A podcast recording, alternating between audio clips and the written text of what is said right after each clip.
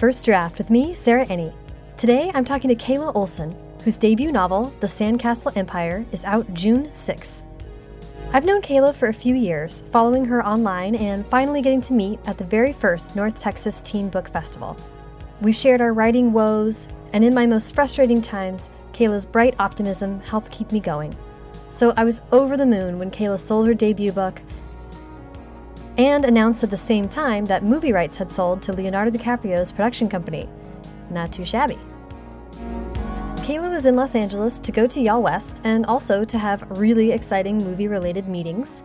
I was so happy she made time to sit down with me at her hotel, not too far from Book Soup and the famous Chateau Marmont, for a very literally Hollywood interview. So, put on a pair of gigantic sunglasses, pretend you know where to park for Soho House, and enjoy the conversation.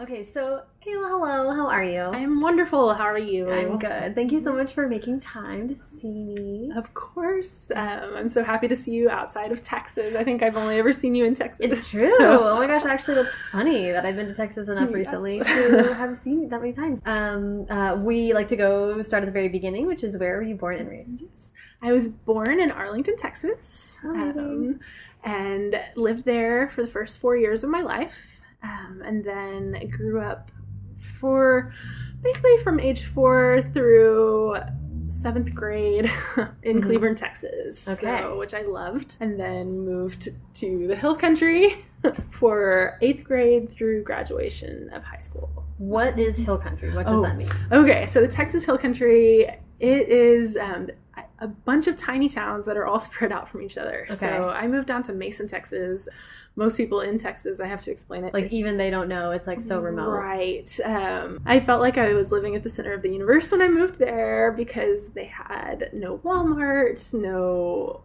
pizza. There was no pizza. No pizza. they had a pizza wagon. Okay, um, wait a second. So, How is there no pizza in your town? I know, not for the longest time. And we tried to make some, it didn't go well.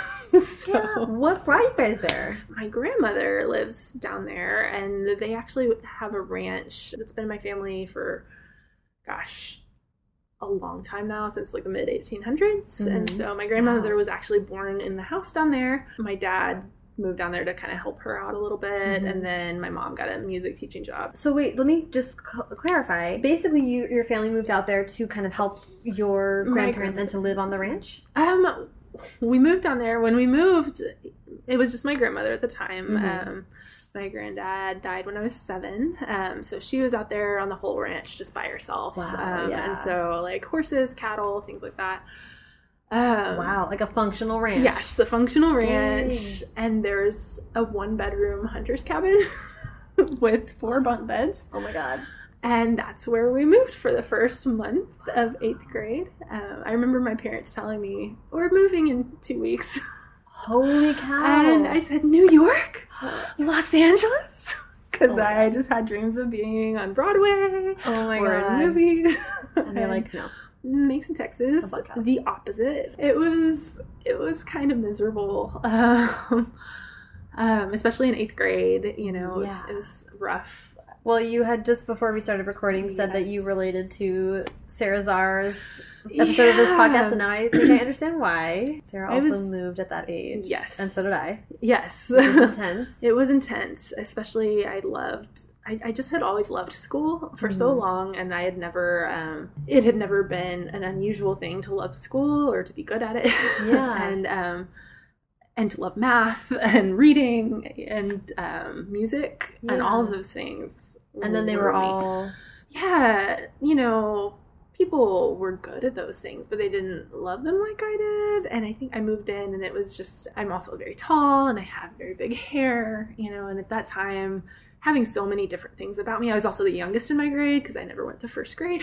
Oh, okay. so it was just a very quick move. I had always just had a really solid group of friends who were yeah. very academic and very musical. And yeah. when I moved in, everybody there loved sports and basketball. Mm-hmm. And they said, Kayla, you should play basketball because you're so tall. You're tall. And everybody plays basketball. Well, it's true, everybody plays basketball when you're in a grade with 50 people and half of them are girls. right. and 20 of them play basketball. Oh my god. You know, it did sound like a good idea until I tried to play. and it was um you know, Kayla, stop saying sorry to people. Oh no. I would bump into people and just I'm sorry, sorry. and apologize. That's, that's just how how you're supposed to play. That's it's so okay. funny. That's like devastating. It, it was. Um, I I read a lot of Babysitters Club books that Yeah. year, which I'm sure didn't earn me any cool points at all. but uh, that's what I grew up with, and the library was so small, and there was no good bookstore in town, Oh and my so that's yeah. all I had um, for so long. Looking back, I can see.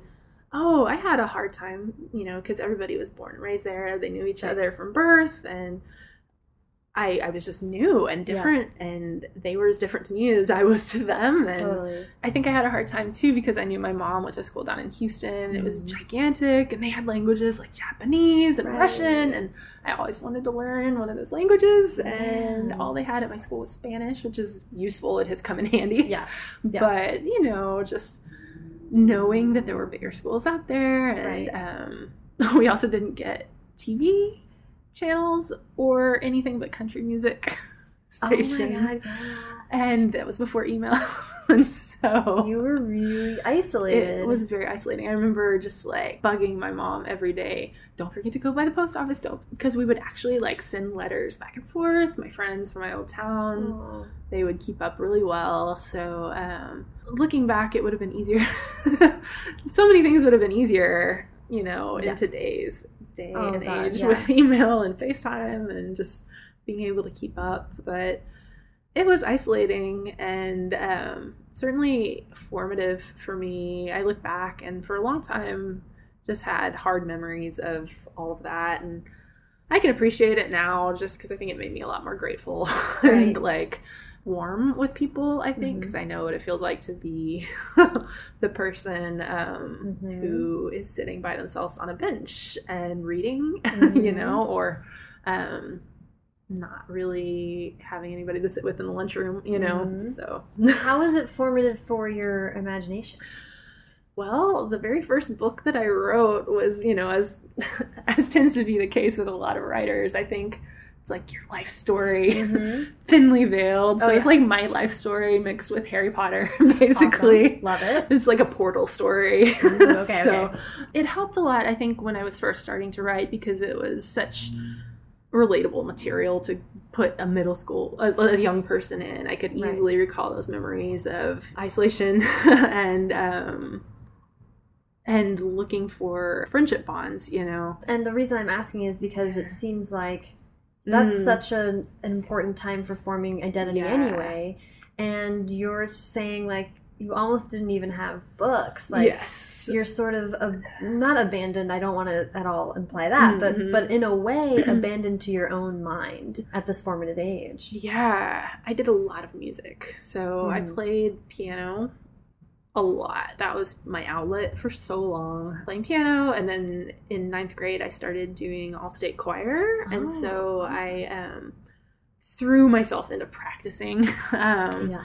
And so at that point, I wasn't really writing stories yet. I always loved to write, I was more of a journaler Oh. um Okay. so like a feelings and but for so long i just didn't have like more than character names oh i did write some like full house fan fiction like oh my god, stop right there.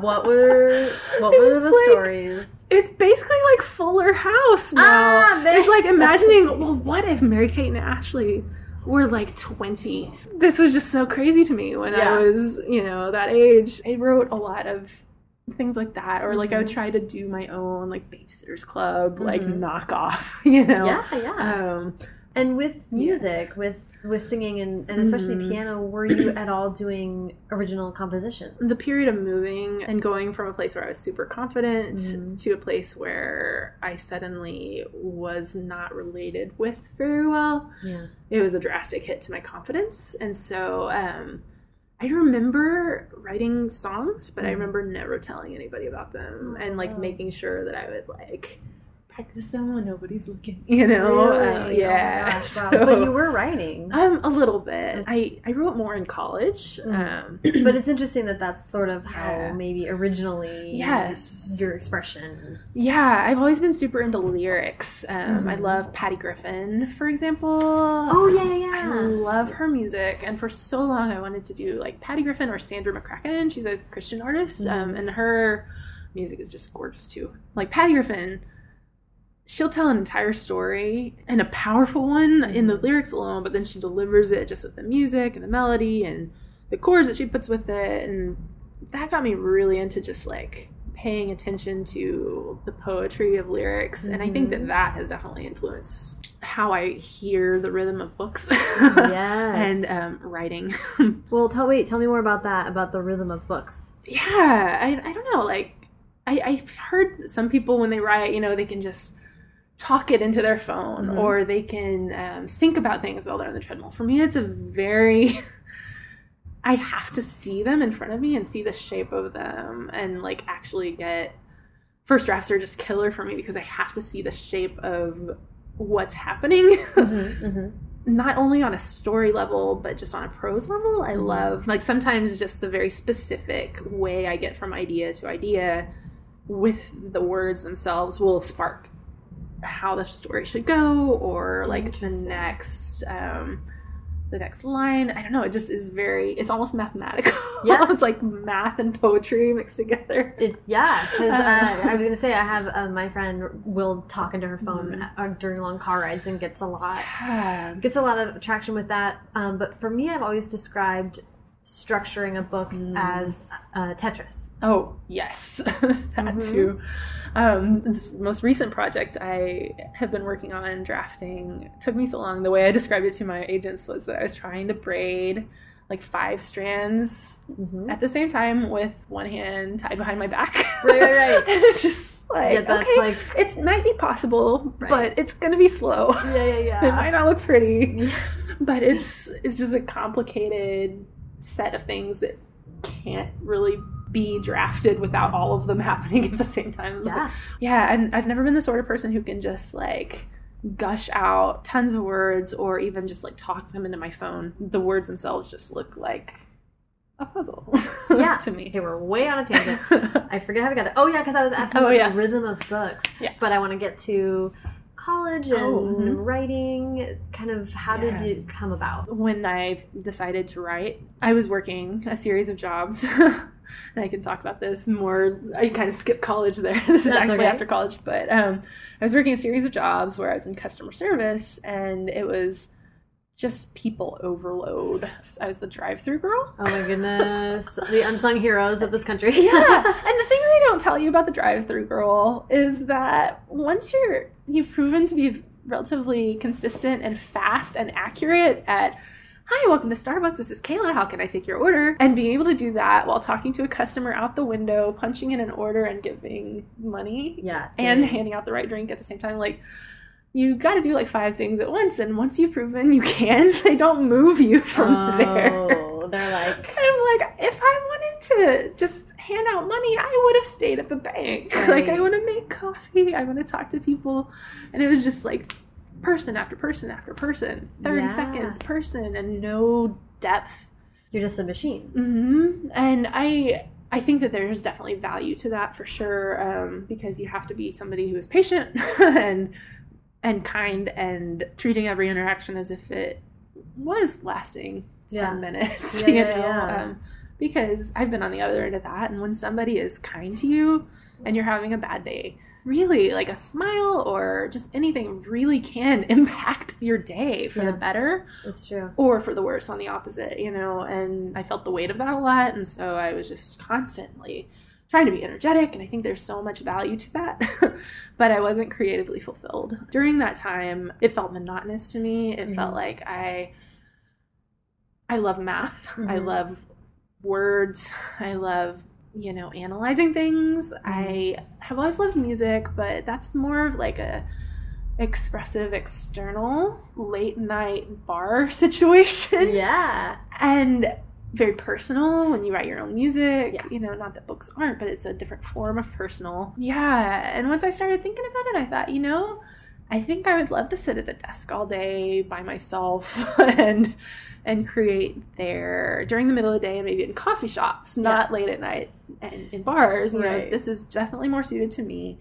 And it takes a lot of like analyzation when you when you revise and persistence and diligence and the enjoyment of doing tons of puzzles, you Oh, know yeah. Oh gosh, um, yes. difficult ones, being self motivated. Um, I started thinking about it and I thought all these things feel like they're part of me. This feels like the perfect thing for me. And I, I felt like it also involved just a lot of empathy as well when you're trying to create characters.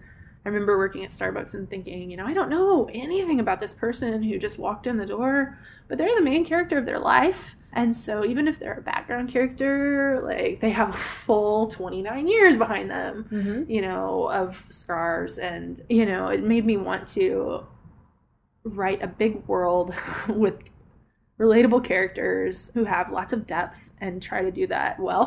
Yeah. so that was one of the things that that inspired me to write. So that that's really interesting Yeah. that you sort of Yeah. were like, I need to do something creative, and you kind of like looked at your strengths and were like, I think being a writer is the thing for me. Yeah, you know, back after college, I did another thing. I was very involved in church in my college, Yeah. and I'm I'm still involved in church, but not to that extent because I was so overcommitted in so many ways. But this one year, I did this year long program that was like a college level course, and um, I we had to analyze a proverb, and I turned in like this five page like Excel spreadsheet, very detailed. And the guy that was teaching that little session. He said, Have you ever thought about writing a book? I think you would be really good at that. Interesting. And- so wait, you were analyzing one proverb Yeah. for just this, just for a short, not for the whole year. just for like a week. It was just very detailed Yeah, and like yeah. thorough. And thorough is like my middle name, basically. my agents will tell you. my husband will tell you I'm very That's amazing. thorough. He he was the first person who's who brought that up, and books just kind of happen Right. you know Yes. i didn't know how they got written and i didn't put two and two together that that was something that like i could do i had always loved coming up with character names um, but i never got past that and so ever since he made that comment it would come back like the spark of it would come back that was in 2005 i want to say and i didn't start writing seriously till 2009 so Okay. in that like four year period of time i would start three pages you know Yeah. i had no story i had nothing i didn't know anything about that and um i woke up one morning and i had like a speck in my eye of some Mhm. sort. I thought, speck. That sounds like the, a good name for a character who feels just like a speck, you know, like all alone and lonely. And my first like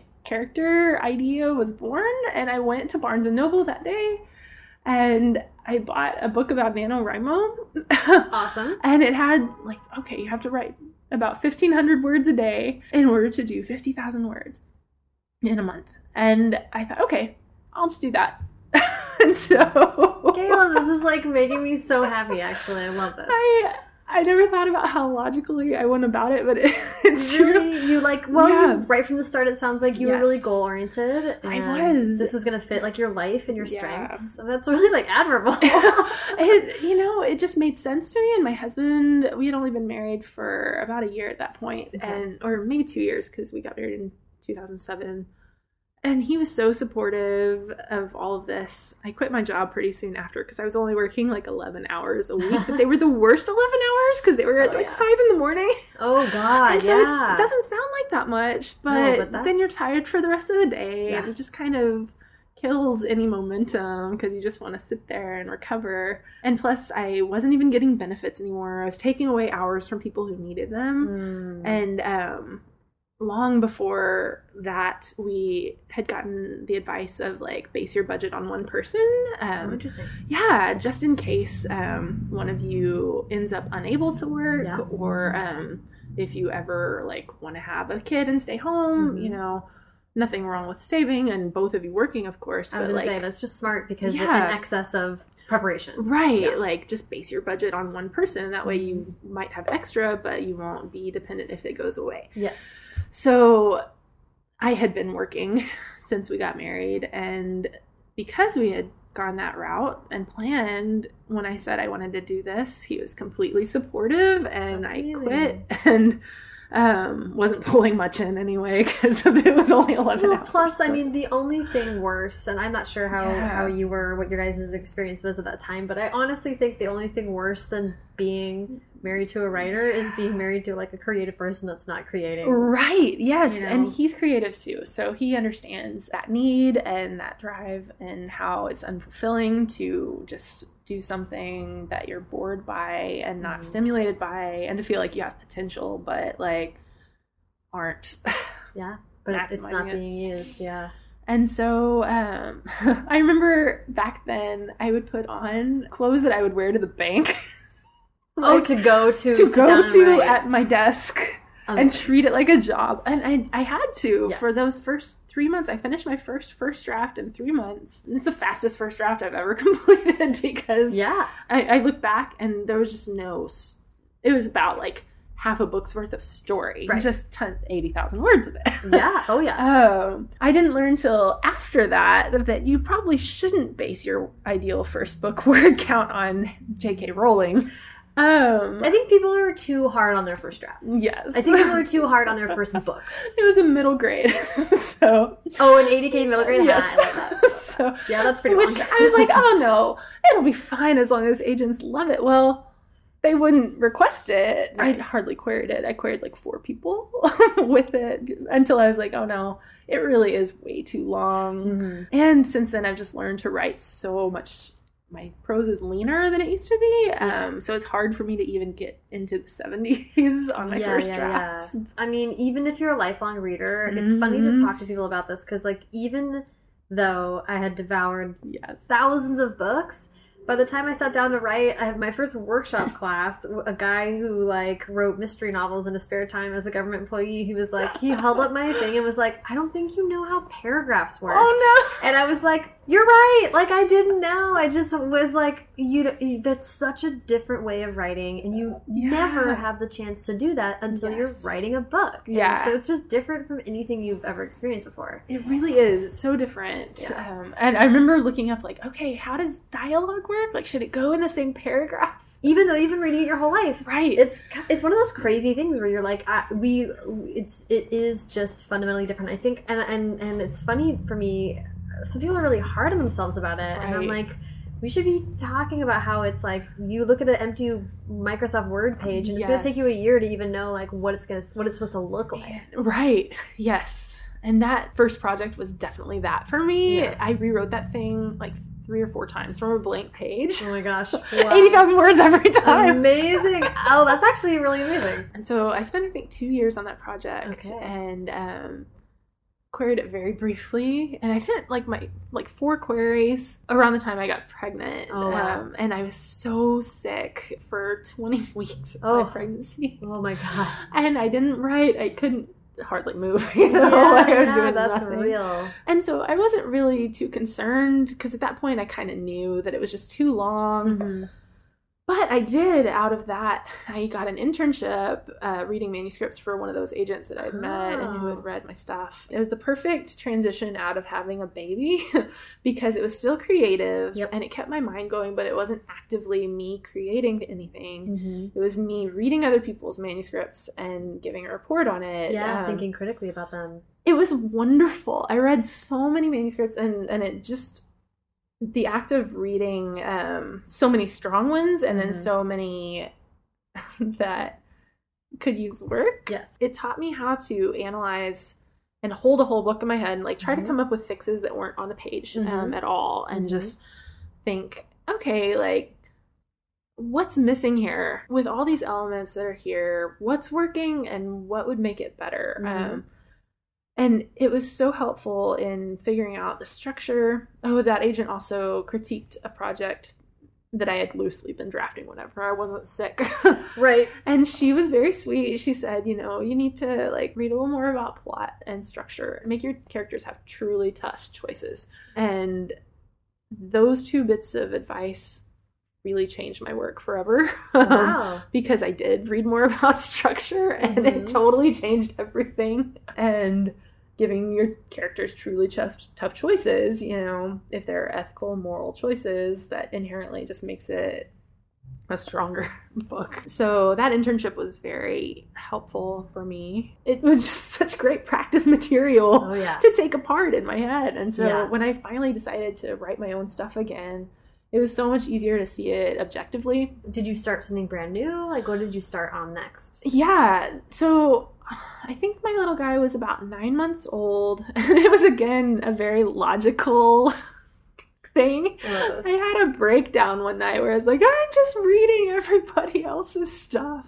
Mhm. I'm spending so much time critiquing everybody else and like I haven't given up on my own dream to write, but it feels like I have. And at that Mhm. point, he was only napping for 27 minutes a day, Oh boy, yeah. like twice a day. But 27 minutes, I could set a timer wow. and it would be 27. Later, it shifted to 48. At least it was predictable.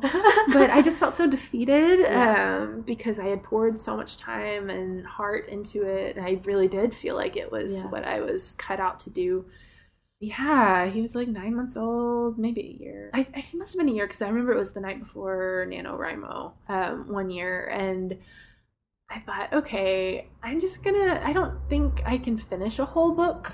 I don't think I can do 50,000 words, but as long as I get started and work on it every day, a little bit every day, Mhm. that's what matters to me. Um, and so that was Halloween, I think. And then I woke up the next day. I was like, okay, I'm gonna do this. So I got up at six in the morning and sat at my desk in the dark and did it from six to eight in the morning. And then whenever I would be rocking into sleep, I'd be thinking, okay, what scene am I writing next? Mhm, mhm. okay, I got to be ready to sit down and set my timer and go. And it makes you realize how much time you spend on Twitter or whatever. Because I, at that point, I could easily just spend 15 minutes scrolling through. Oh and god, yeah. if you do that, like Easily. he'll wake up 12, 12 minutes later, Yeah, you know? So, done. so I was just very determined to use every spare minute. And then my husband again was so supportive. He every Saturday I would go up to Starbucks and work for as long like two or three hours and he would just hang out. They still do daddy days on Saturdays, dadder days. that's awesome. Because those are still big work days for me. Mhm. Um, and sometimes that makes me sad because I miss out on fun Saturday morning Right. things. And on, on some days I take the day off, you know. But, you know, he's always so supportive um, whenever I decided I'm going to do this again. I need help, you right, know. right. Um, Well, what, so you decided on Halloween. You're Mhm. like, I'm sick of. yeah. Did you have an idea? I think I must have. Whenever I get an idea, I write down. I, I do the first line if if I have it. I try to write a page, okay. um, just so Every I can time kinda, you have any kind of Yeah. a sparkly idea. just so I can get the voice down. Um, because it's easier for me to just slip back into that idea and the Mhm. mood and the tone of Mhm. what I wanted to do if I have just an opening. And so I think I did have that first page just kind of hanging out for Okay. months, and that was the Rancher time travel. Ah, okay. Um, Love it. that was a quick first draft too because I was so motivated, but it was also a short first draft. Mhm. Um, I think I finished it by the end of January, so I did three or four months um, That's amazing. on that one. With like a pretty darn new yeah, born. yes, it it was hard.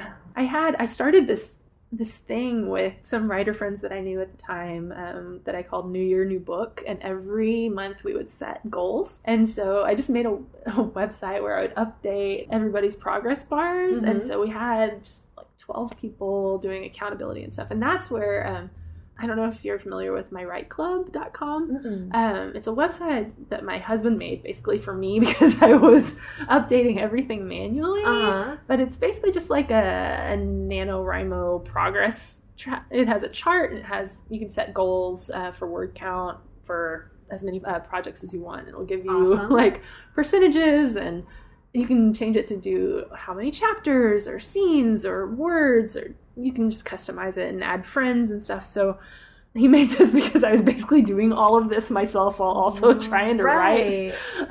Um, That's so sweet. it's it's wonderful. He's a software guy, and so it was a fun project for him too. And now he has like ten thousand users or something. That's awesome. so it's been cool to see like our worlds collide on Yeah. that. But um, that so helped keep me motivated around Mhm. that time. So I wrote the time travel book and revised it quite heavily for a while, and I finally got it to the point where I was ready to query and. I remember getting to the point where I thought, okay, I think I'm proud of this. I've put it through so many rounds of critique and I've done my research on agents. I think Mhm. these people would be a good fit. And so I started querying, ended up with a an R&R from Holly and Taylor. And so um, their notes just completely inspired me. I could tell that they really understood what I was going for in the book. And so their notes really resonated with me. I thought they would make the book stronger. So I ended up revising for them and they ended up really connecting with what I did. And that's when I found out Taylor had been part of it the whole time. Mhm. They both saw my query at the same time and both read my pages at the same time. And Mhm. Um, both came up with notes together and ended up both offering to represent me, which is interesting. it's odd, you know. I haven't heard of anybody. I mean, I think there are people with more than one agent, but I don't know of any. I don't know of anyone that, that where it's the exact situation you're talking Right, about. Usually like- it's more of like one's like a primary, one's an assistant or something kind of like this. But or like you have one kind of book and Right. then the other agent represents like picture books or Mhm. something. But for them, they do everything together. that's so amazing. and I love them dearly. I'm so glad that I'm represented by both of them because I just feel like I won the lottery with Holly and Taylor. So I revised again for them after that. Um, there were just a few things that they wanted me to hit. I had a pretty successful querying time, um, and so my hopes were way up that it would Right. Also yeah, yeah. be successful on submission. And, you know, it was dual POV, dual timeline, time travel with like ranchers. Yeah. and so most of the rejections I got were we love the rancher Mhm. guy. His voice is so strong. The setting is so strong. Mhm. But then, like in comparison, your other POV Oh. just, you know, they all connected so well with that one part of the book. It was just really hard to find anybody who connected equally to Mhm. all its unique Yeah. elements. So, with Sandcastle Empire, I actually started drafting that the day I started sending queries out. Oh, really? Yes. Okay. And so I was drafting that the whole time I was querying.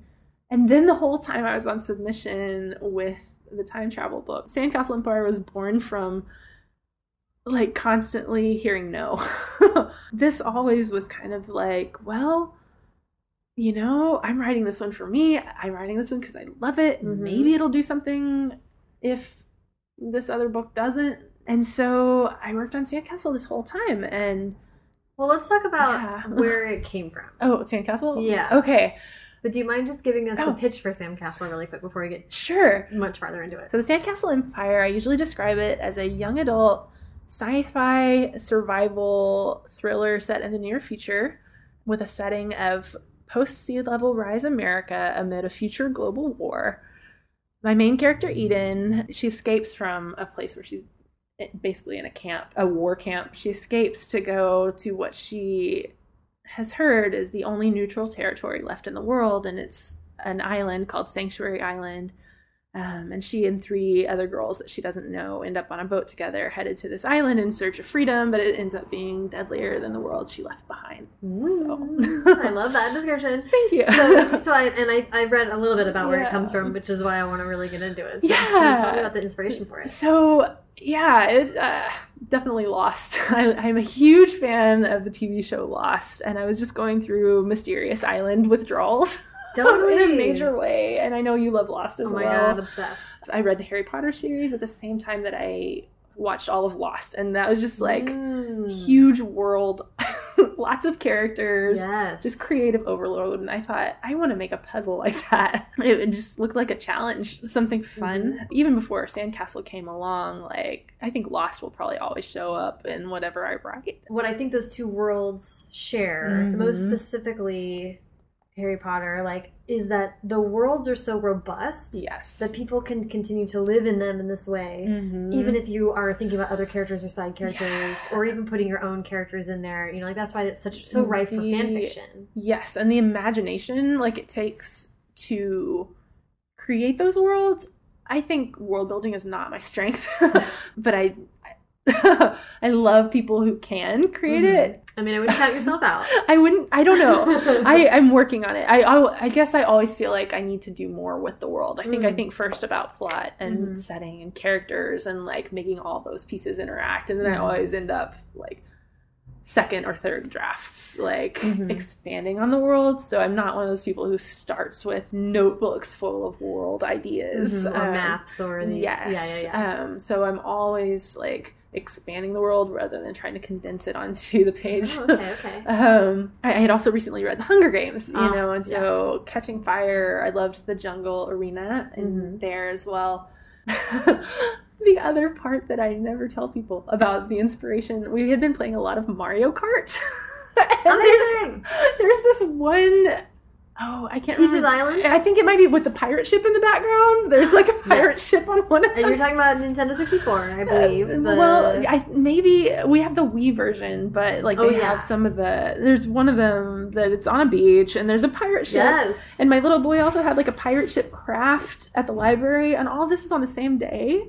oh wow. And so I was just thinking, like, it came to me, it was like creepy jungle, like I'm lost, survivor ish beach setting Mhm. with maybe catching fire esque weirdness in the Mhm. jungle and some sort of piracy happening. Yeah, yeah, yeah. And there is like that is so subtle, like in the book, because they're like looking for a treasure, but like it's not like a treasure, and they don't look like pirates. well, I think the Um, um, I do this a lot Yeah. with my books, where it, what's important is that the book has undertones of what you associate with pirates. What you're describing is so interesting and I think really helpful to talk about because Mhm. I feel like people who are getting just getting started writing can sometimes be overly worried about like being uh, ripping something off Oh, or uh-huh. being too um too uh what's the word I'm looking for like Derivative? Yes Yeah. and and they're i think that they whip themselves into a frenzy about Mm. needing to be like fully unique and original Mhm. what i would stress is that like those are all really those are all things that i love also Yeah. but like if i took all those points of inspiration and tried to write a story then it wouldn't be sandcastle empire right. there's just no way it would Yeah. be because of my lived experience Mhm. because of the the way that i draft Mhm. because of any numerous Mhm. reasons, you'll never get to the same place. But it's okay to start with Harry Potter meets pirates, Right. meets Mario Kart. Like, yeah. Like it's Lost. I love just all those. all of it just I was in the shower. It's like the most cliche like place where people get an idea, but I really was. And all of these, I was like, I miss the beach. Mhm. Hmm. And what if what if going to this beach were like four girls? You never see four girls. Like you Mhm. always see like I, I there maybe like Libba Bray's series. I Mhm. think there are four girls in that, but it's hard for me to recall anything that's just like a main cast where that's all you see for a long time. And Mhm. um I, I remember hopping out of the shower and taking furious notes on my iPhone just with all these random bits of information. Mhm. and the book, I, I found that. I still have that note saved on my iPhone. Amazing. And I went back and looked at it just recently when I was I was trying to clear space on my phone and I discovered it.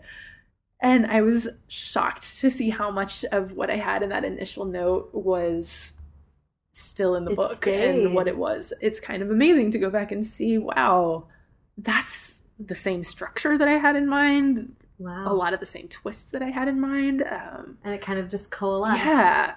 I love So- that you, you seem to. This seems to be a pattern of like things kind of brew and stir and stew Mhm. and build, and then I feel like you're good at recognizing when you're ready Yeah. or when something is ready. I think that's very accurate because there are some days, and I'm, I'm learning to listen to myself more too. Mhm. Um, I'm working on a revision right now, pretty tight deadline.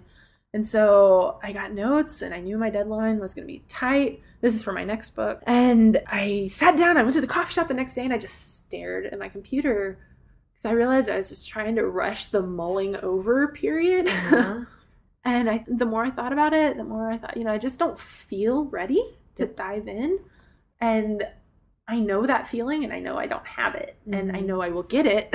so I think. I need to be patient with myself Mm-hmm. and not freak out over my condensed timeline. I have two weeks after I get home Yeah, yeah, yeah. from this trip to work on it and it'll be it'll be good because I can already feel right now like I have a good plan. I've spent all this time coming up with a plan and I'm ready to just go for it when I get home. Um, Mhm. and I know I can turn it around that quickly, but I wouldn't I couldn't physically start early. Yeah, I think that's So- very that's very real, and yeah, Yeah. and recogn- and listening to yourself. I think that's a really good way of thinking about it too. It's something I wish I could just tell myself Right. you can start now and Right. in some places i'm learning that i have to like train myself to do things you know Mhm. on a timeline that's not really in line with my own but Right.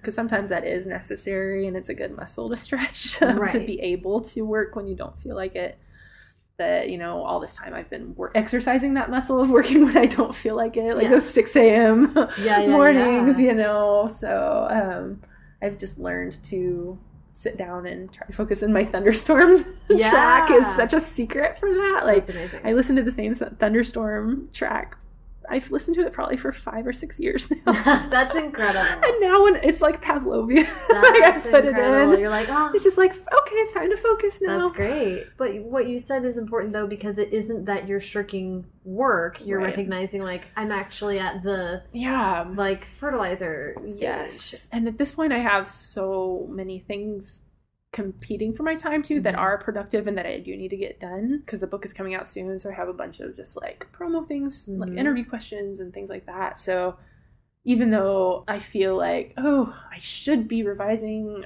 it's actually more productive for me to let that stew for a little bit, Mhm. work on some things that I know I need to do, and then come back to it with full speed, full energy, and Mhm. full brain. Um, Yeah, right. and ideas fully fleshed out, because otherwise, that's just a waste of time to sit there and just try to work through it before it's ready. So- Yeah, yeah, yeah, yeah. But I did want to ask a little bit about. I don't know how much uh, Lost was like a literal diving in point for you or not, uh-huh. but I, in thinking about it in a more literal sense, Mhm. I was just thinking about the show and like it was Yes. like not only was it the world and the mystery, Mhm. but that Lost was so good at character. Yes. I've been thinking about this a lot lately because um, my next book feels that way too. It's still very sci fi survival, but it's also very charactery. Mm.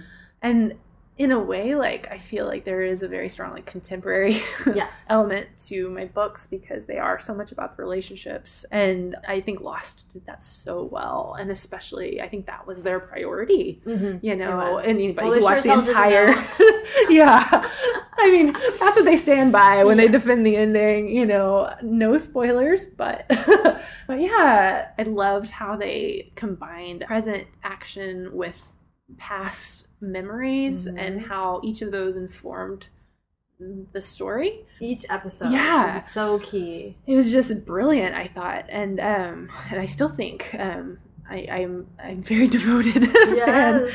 Um, I loved that element of relationships with people who um, they don't know how long they're going to be there. Right. They've never met each other. They have to work together. This might be the only home they ever know. This might be the only family they ever have again. You know, and so I think that definitely literally carried into my book Yeah. because these four strange girls, they've literally lost everything. They have no home, they have no family, they're very low on hope. They all want freedom but have uh, differing ideas about how to go about doing that. And so having um, just the girl dynamics I thought were very Mhm. intriguing to me to write girl dynamics of how to um, how to need each other but not necessarily like each other. Oh, interesting. Um, I, I wanted to see those depths mind, you know, have them. But but you now you wrote a time travel novel and Yes. you wrote this novel, which is also like like really plot oriented.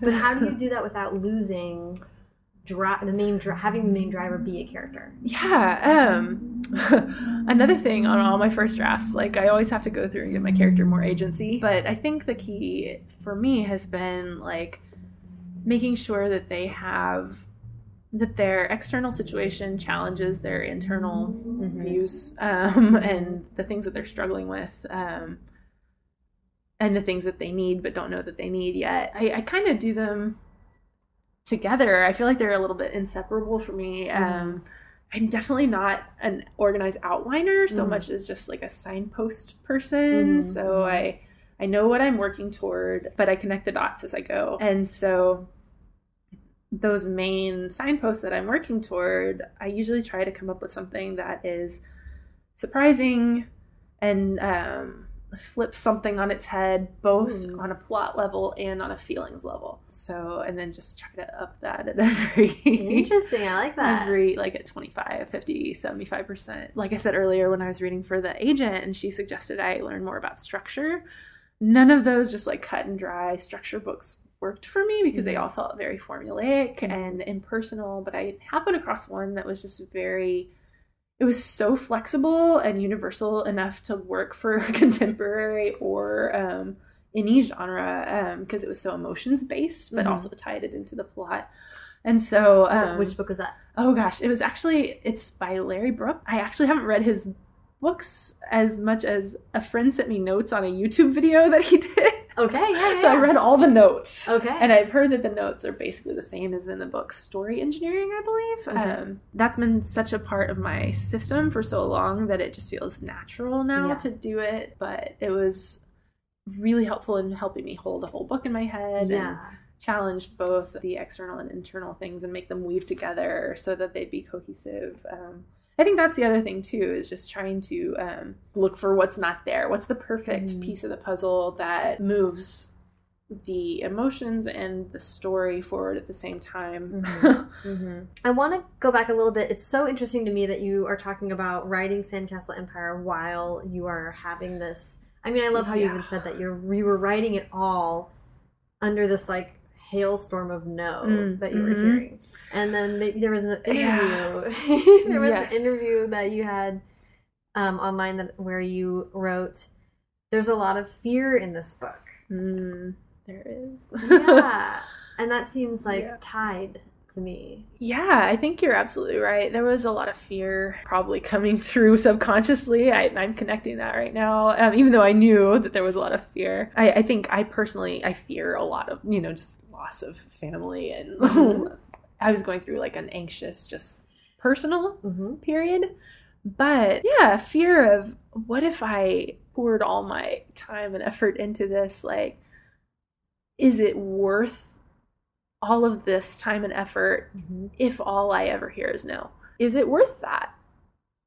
Maybe, Yeah. you know. And I ultimately came to the conclusion, and my husband, again, so supportive and sweet. Like we talked about this, and and it was fortunate that we weren't relying on me for income because we were still just Mhm. one bedroom, two bedroom apartment. You know, Mhm. like he never pressured me, uh, but like I feared not financial instability, but like losing time, losing my Saturday mornings, you Yeah. know, like Right. while he spent time with our little boy, you know, and um, what would make it worth it for me? And like when we talked about it, I remember him being so supportive and just like, no, it's something you love. It's creative. You're using those parts of you. And that Mhm. seed that I started with that made me want to write, that made me feel like I was wired to do it, has been the thing underpinning everything, like from when I was hearing no to when I eventually heard yes, you Mhm. know. Um, it's that core of, you know, whether I hear yes or no, I'm writing. It, it really forced me to come to the conclusion of I do this because I love it.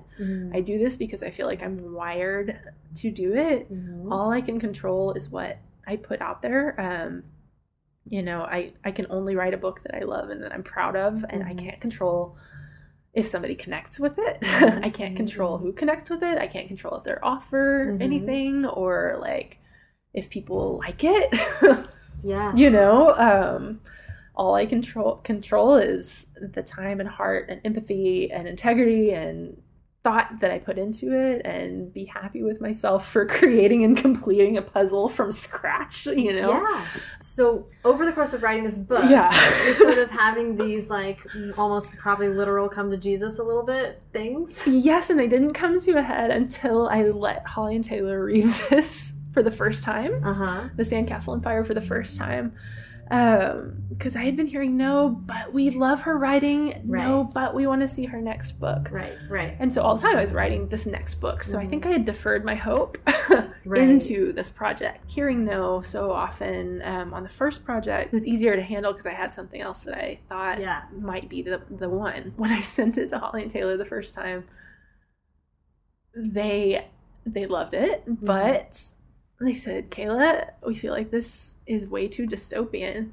And I was oh. like, oh. It had not even occurred to me that there might be even a hint of dystopia in it. You're like, what, my pirate Mario Kart book? Exactly. Like I thought about it like firmly in sci-fi because of like the Lost and all that inspiration that went into it.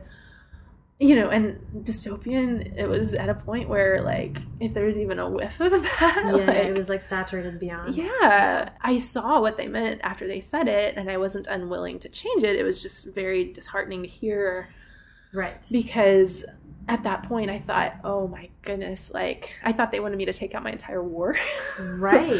which um, would have changed 85% of the book Yeah. and been a complete and total rewrite. And I had already done three drafts at this point.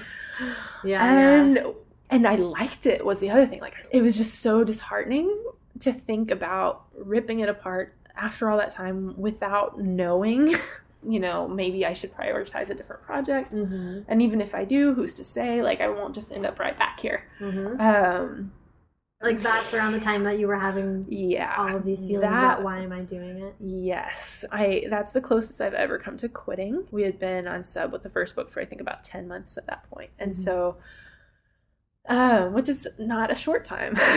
um and it was pleasant feedback. It was good feedback. It just wasn't a yes. um I had just put so much hope into this project. So I think all the weight of that first project um, almost doubled down. yeah, so that's when I truly like it all hit me all at once at this Oh, point. And I thought, oh my goodness, okay, maybe I need to just not.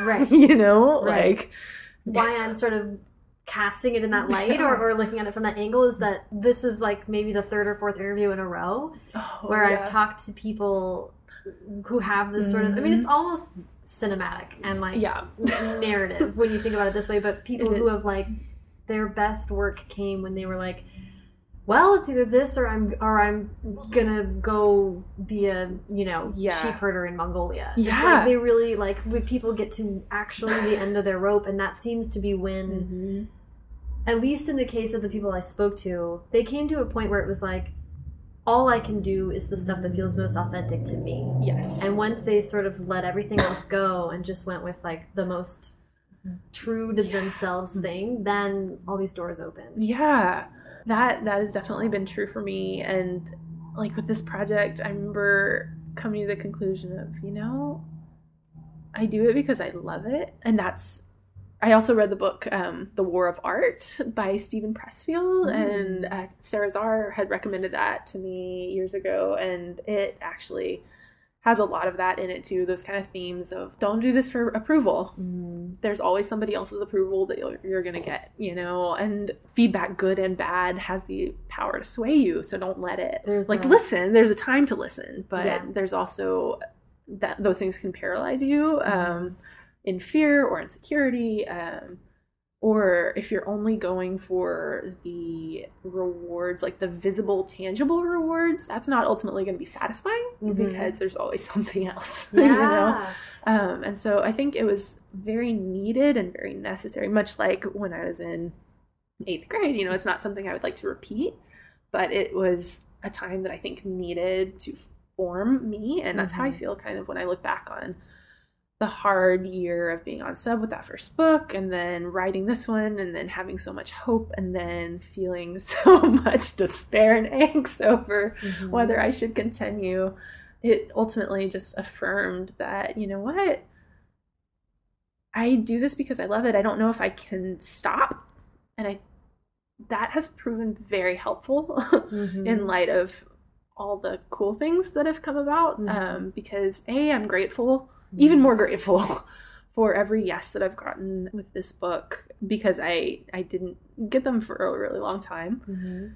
and also because my goal for so long has just been be grateful for every step of the way Yeah. it's made it a lot a lot easier to have clear expectations and not heightened expectations, especially when things like film Mhm. are on the table. Mhm. Um, like when I heard that a film agent had been in touch with Holly and wanted to send it out, that was not even on my radar. Right. And every step of the way has just been kind of like, okay, I'll my cautious optimism, Right. cautious optimism. Right, right, right. I'm hopeful, but not too hopeful. Um, not taking anything for granted. right, and that way, you know, I can be grateful for what has happened, but not expect or hinge my happiness on anything um, that may not. So I think that um, the rough spots definitely were not fun, but have played important parts in preparing me for all of this.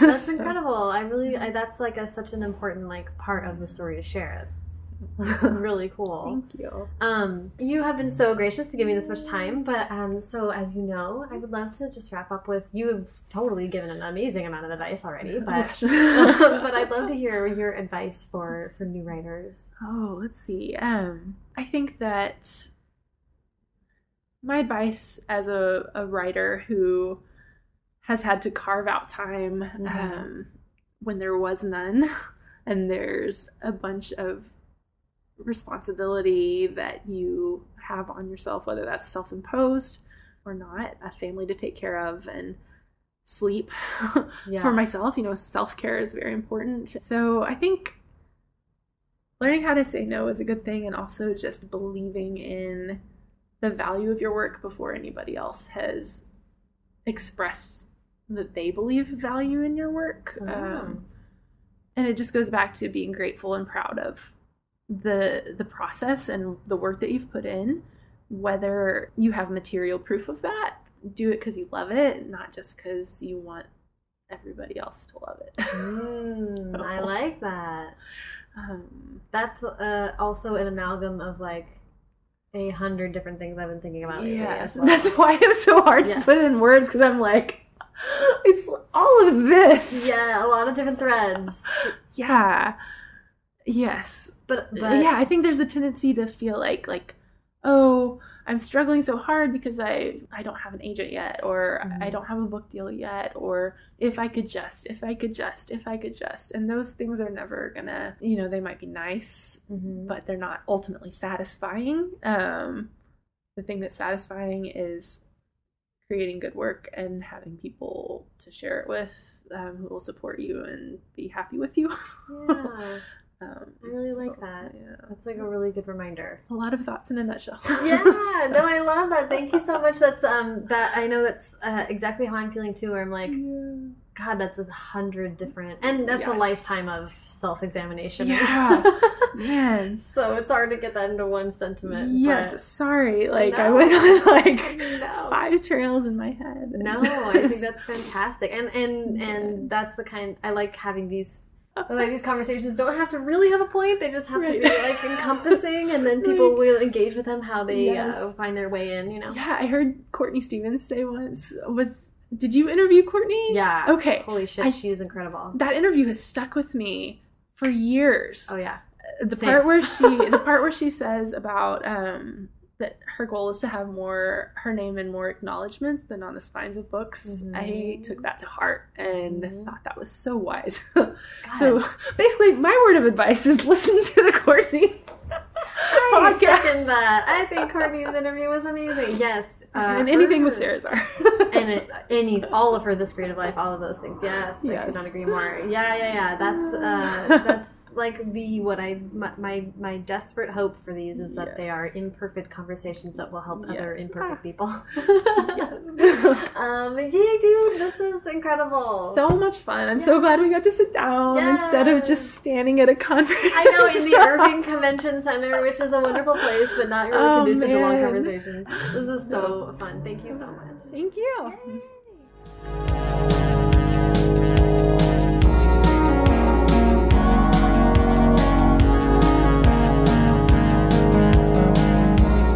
you so much to Kayla. Follow her on Twitter at Olson Kayla, that's O L S O N, and follow the show at First Draft Pod and me at Sarah Enni. You can also find the show on Instagram and Facebook, but for show notes with links to everything Kayla and I talked about, as well as some of my favorite quotes from this and the 100 plus other episodes of the show, and the link to sign up for the First Draft newsletter, be sure to visit firstdraftpod.com. If you like what you heard, subscribe to the show on iTunes and leave a rating or review there. Every five star review brings me that much closer to acceptance of the Lost finale. no, wait, it doesn't. But it distracts me, and that's just as good.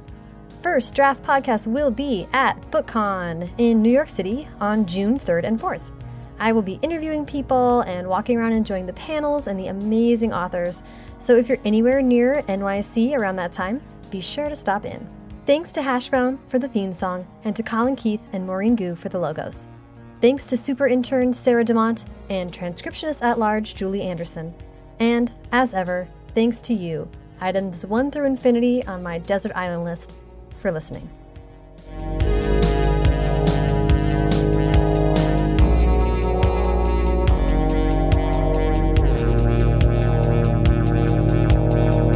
Um, By the way, I'm into Texas oh, Wizards. If you want to consider that, hmm. I'm not against. like maybe we should talk Texas Wizards.